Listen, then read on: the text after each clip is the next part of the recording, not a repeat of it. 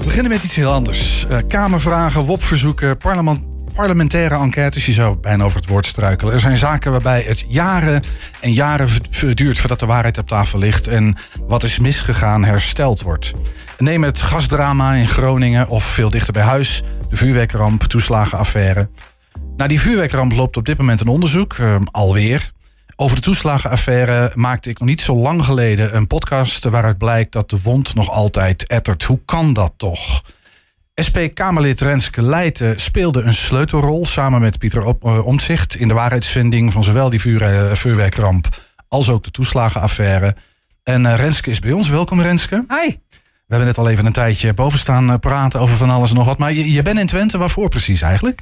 Ik was uitgenodigd uh, door de SP in Hengelo om vanavond bij de nieuwjaarsborrel uh, te zijn, bijeenkomst. Dus iedereen meteen, die, ik ga. Iedereen die nog zin heeft om te komen, die moet vooral komen. um, ja, toen zei ik, ja, als ik dan toch uh, in Twente ben, dan wil ik nog wel wat meer doen. Maar waarom hebben ze jou gevraagd? Ze, ze zou iedereen kunnen vragen. Er zijn meer prominente SP'ers. Ja, waarom ze mij hebben gevraagd, zou je aan hun moeten vragen. Dat vind ik wel een beetje gek om mezelf erover op de borst te kloppen. nee, Oké, maar leuk. Hey, welkom. Uh, maak je vaker de oversteek van, nou ja, jij woont in Haarlem, maar ik wou even zeggen vanaf Den Haag naar Twente? Ik ben te weinig uh, in Twente. Maar dat geldt ook uh, in Limburg, als ik daar uh, achter de microfoon zit. Ik vind het heerlijk om buiten Den Haag te zijn, in regio's te zijn.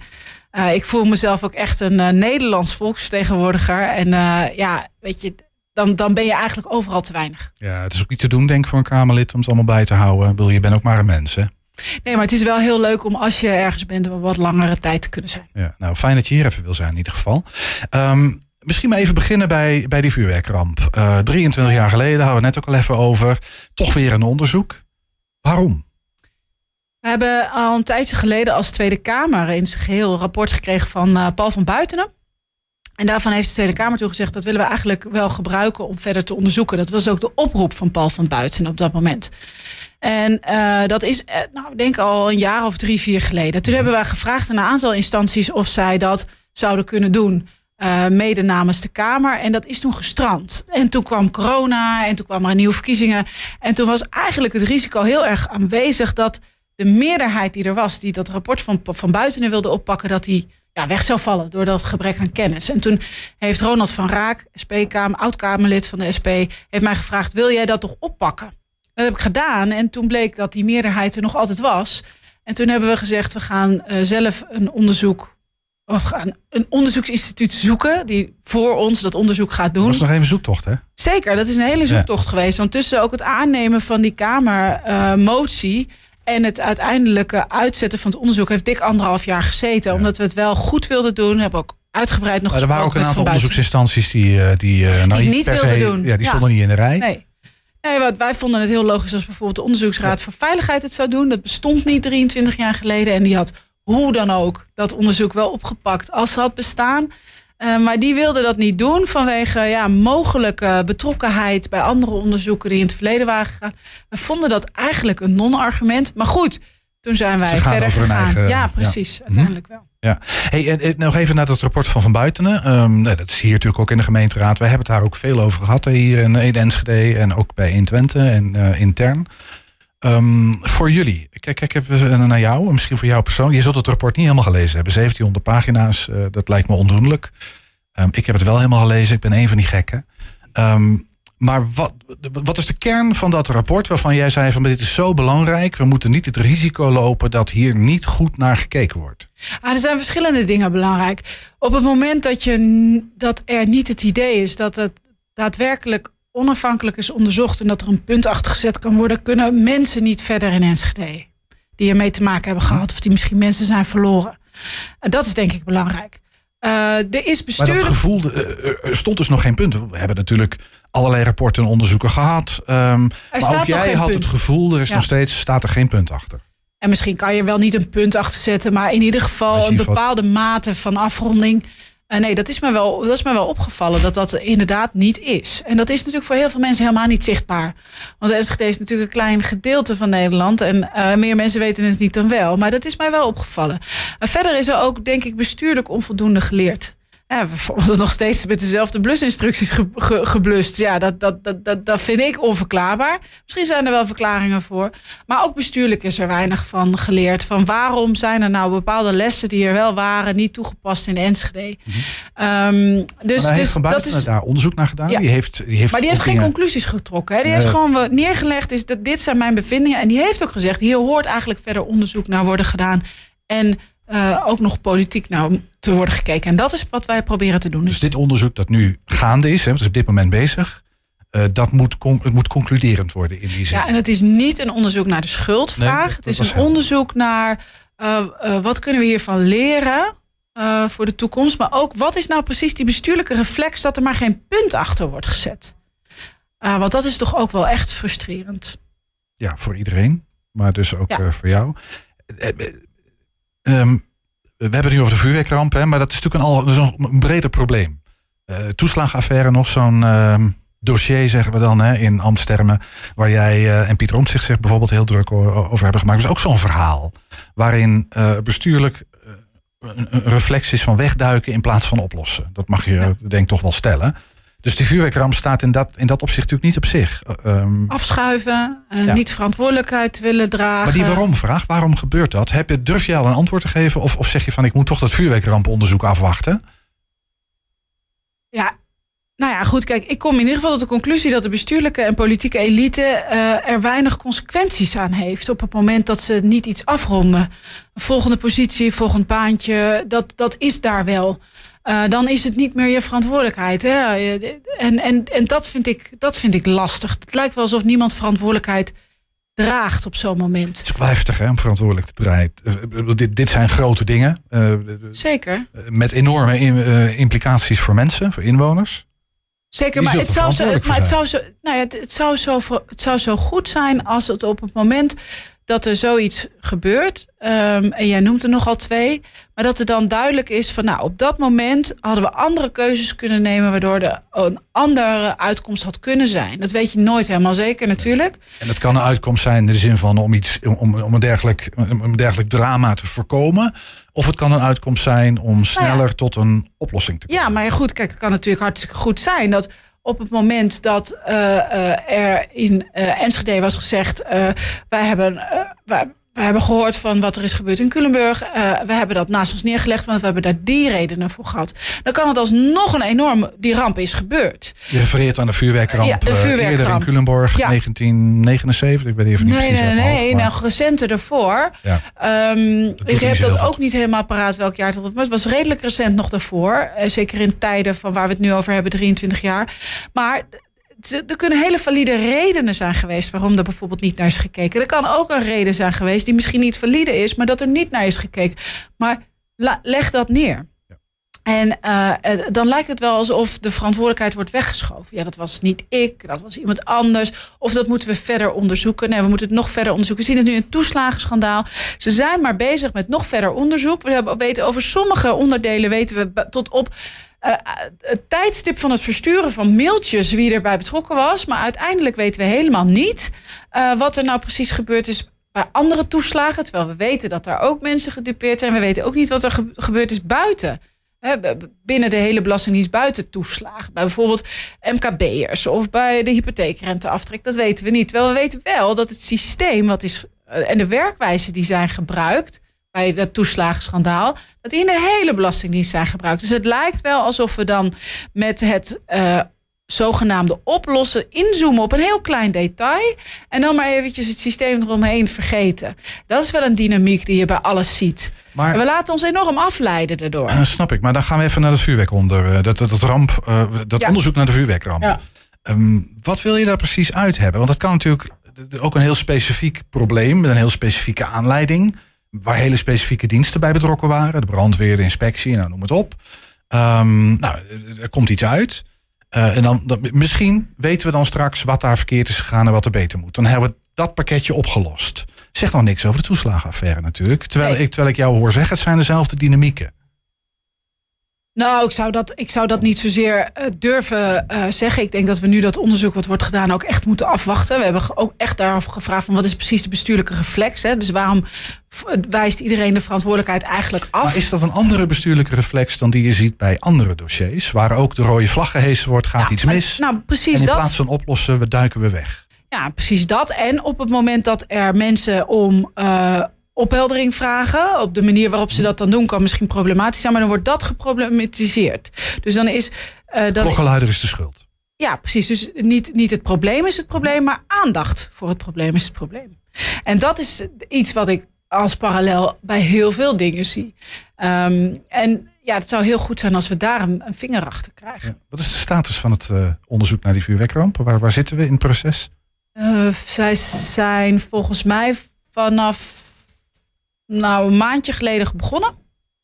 Eh, en kijken nu in allerlei eh, dossiers bij Binnenlandse Zaken en andere stukken om te kijken welke, welke, wat ze gaan bekijken. Hebben ze daar Zullen carte blanche, volledig toegang? Ja, ze kunnen ja. alles krijgen? Ja, het was ook voor, voor, voor ons als Kamer belangrijk dat het echt onafhankelijk is, maar ook voor de onderzoekers. Wij lopen ze niet voor de, eh, voor de voet. We hebben gezegd: hier is het onderzoek van Van Buiten. We willen graag dat jullie je richten op een aantal onderwerpen, bijvoorbeeld de bestuurlijke reflex. Mhm.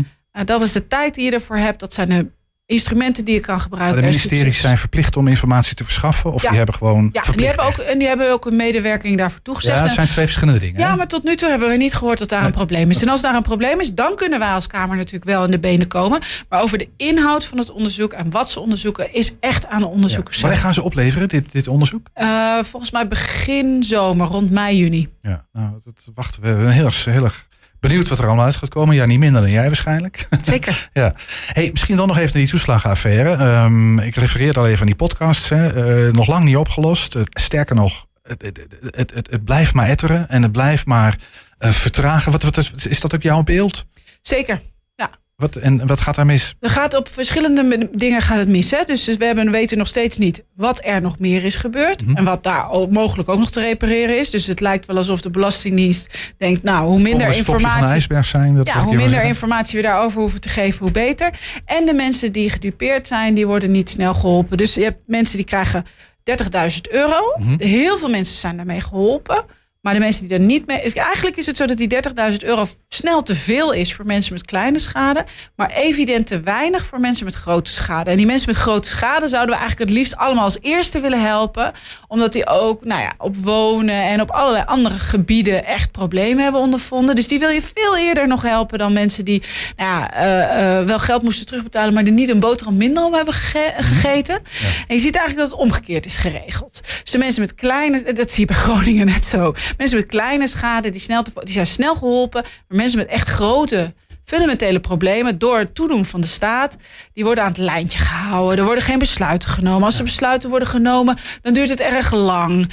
Ehm, en dat is echt een probleem. Het is juridisch, juridisch en bestuurlijk moeras geworden. En ze denken daar dus niet vanuit. Wat heeft de persoon nodig die wij gedupeerd hebben? Maar ze denken vanuit hun eigen procedures wat fijn is voor dit deel van de Belastingdienst dat het uitvoert. En dat zou je willen omdraaien. En niemand blijkt bij machten om dat om te draaien. Ik hoor jou ook zeggen net, hè, helemaal in het begin van, eh, van dit betoog, ehm, dat het misschien ook wel handig is om niet altijd om een beetje voorzichtig te zijn met het geven van helderheid en het verschaffen van informatie. Want er komt nog wel een stopje van de ijsberg. Ja, Eh, dat impliceert nou, ik, iets van boos opzet. nou ja, kijk, als je er drie jaar over doet om mensen niet te helpen. Ik weet niet wat de andere conclusie dan opzet zou kunnen zijn. Dat is niet meer een individu- Onvermogen. Dat is Ehm, niet meer een individueel foutje van een ambtenaar. Dit is systematisch falen om het eh, op te lossen. En dus ook systematisch falen om een andere werkwijze te kiezen. Kijk, ik neem even het voorbeeld dat moet van de de dossiers. doen. Dan moet de Kamer toch zeggen van, de ho jongens, luister ja, dat is het punt. Wij kunnen niet mensen ontslaan of aannemen. Eh, wat de Kamer zou kunnen besluiten, wat ze niet durft, eh, waar wel een grote beweging voor is, maar niet de meerderheid, om te zeggen: we halen het weg bij de Belastingdienst.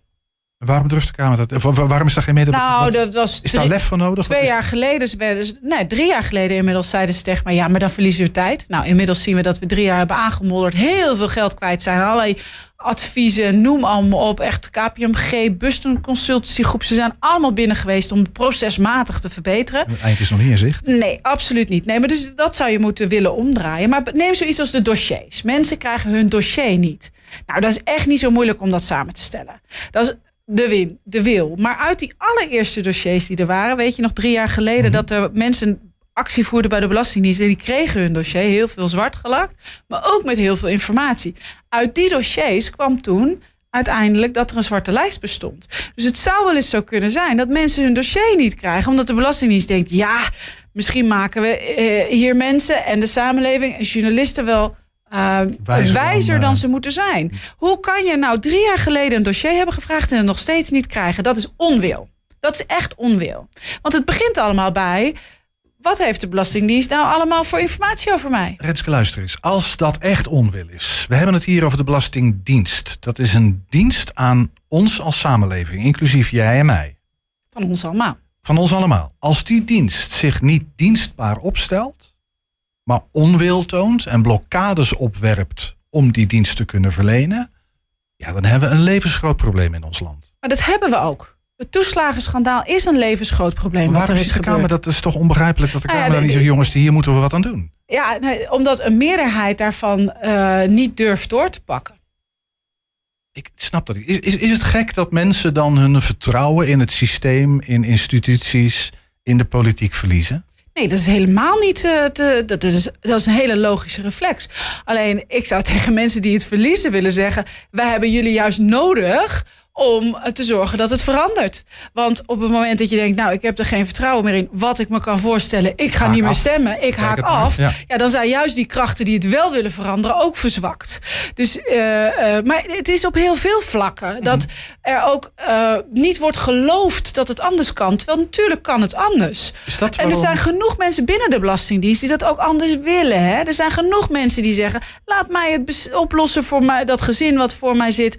Maar dan moet het weer naar een manager. En dan moet weer naar een supervisor van een manager. En dan moet weer naar een regie. Weet ik veel wat. Soms moet zelfs de staatssecretaris meekijken bij individuele dossiers. Ja, dat is natuurlijk idioot. Want voordat het helemaal bij de staatssecretaris is, is het langs zes, zeven deuren gegaan. En ben je dus ook zes, zeven maanden verder. Dat hoeft niet. Als je gewoon aan tafel zegt: ik geef er een klap op en deze persoon krijgt deze compensatie en kan door met zijn leven volgens mij kunnen we hier nog heel lang over praten. En dat is zeer de moeite waard, wellicht. Um, maar ik weet ook niet of we er dan uit gaan komen. Want het is natuurlijk heel complex. Nee, maar het is uiteindelijk heel simpel. Maar wat, ja, oké, maar dat betekent dat je dus vertrouwen moet gaan stellen in ja, de, ambtenaren. ja, de processen, moeten niet, de processen moeten niet de maatstaf zijn, maar de uitkomst. Wat ik me nou afvraag, Renske, want jij hebt je vastgebeten in die toeslagenaffaire, onder andere. Um, ja, dat doet een mens niet voor niks. Dat heeft iets met betrokkenheid te maken. Word je niet knettergek van oké, dan heb je uiteindelijk heb je het boven tafel, begint er een balletje te rollen en loop je hier weer tegenaan. Het, het, lig jij daar niet eens s'nachts wakker van dat je denkt van mijn of dat je woedend bent. En uh, hoe, hoe, hoe, werkt dat bij een mens? nou ja, het, het, feit dat ik de energie kan opbrengen om hier nog mee door te gaan, daar zit wel een vorm bij van ik zal, ik zal uh, ze krijgen. Ehm, maar ook dat is weer niet de beste drijver. Ik geloof ook dat het echt anders kan. En ik geloof dat op het moment dat wij de handen ineens slaan, dat het ook anders zal gaan. Ja.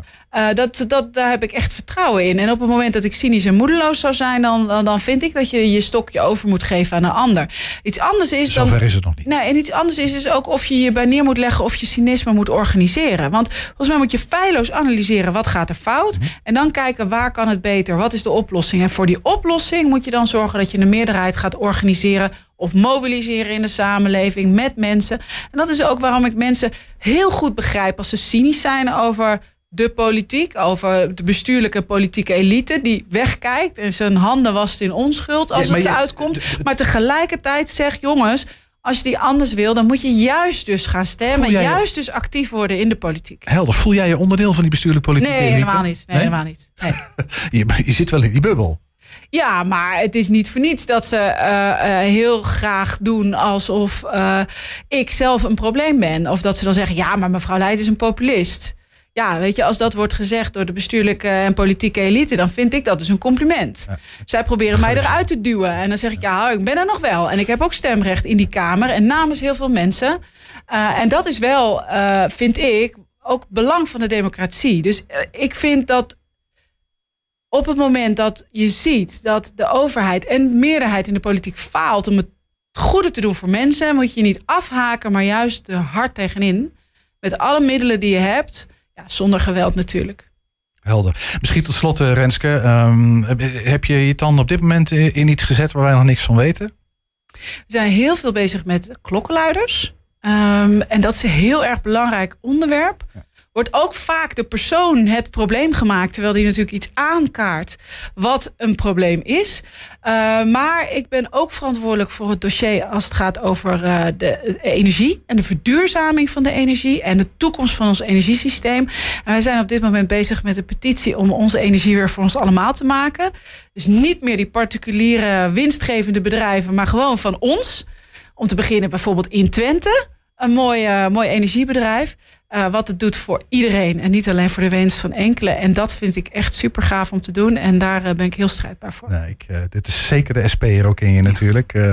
Renske Leijten was dat. heel erg bedankt dat je even wilde aanschuiven. Um, en we spreken elkaar ongetwijfeld nog, denk ik.